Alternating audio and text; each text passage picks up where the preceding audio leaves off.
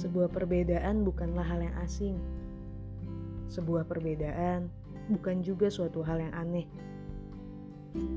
Dan sebuah perbedaan bukan berarti kamu tidak bisa bersama dengan seseorang.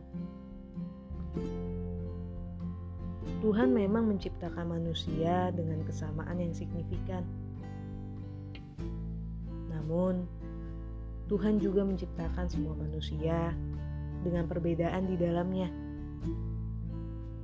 Entah itu dari cara bicaranya, cara bersikapnya, atau bahkan karakter dari orang itu sendiri. Memang, di sebagian orang pasti ada saja yang sangat menolak sebuah perbedaan. Misal, sebut saja si A. Si A sangat ingin memiliki teman seperti dirinya, baik dari segi karakternya atau cara bersikapnya. A melakukan hal itu karena dirinya punya alasan tersendiri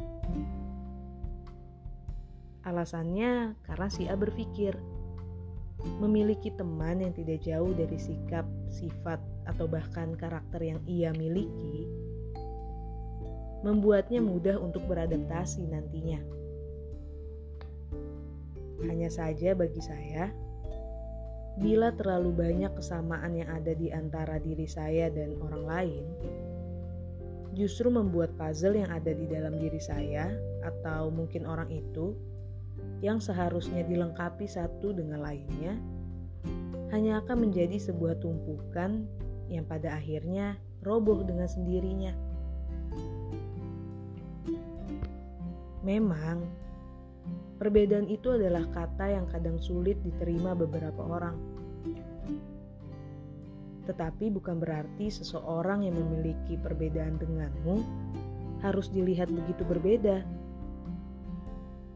Mungkin saja bukan dengan adanya perbedaan di diri orang itu yang pada akhirnya membuat kamu atau saya sadar bahwa beda yang orang itu bawa ke dalam hidup kita justru yang melengkapi satu puzzle kosong yang selama ini kita cari. Jadi bagaimana? Sudah istirahatnya? Sudah mendengarkan podcast malam ini? Kalau sudah dan kalau belum cukup istirahatnya, kembalilah beristirahat. Dan selamat malam. Sampai bertemu di podcast selanjutnya.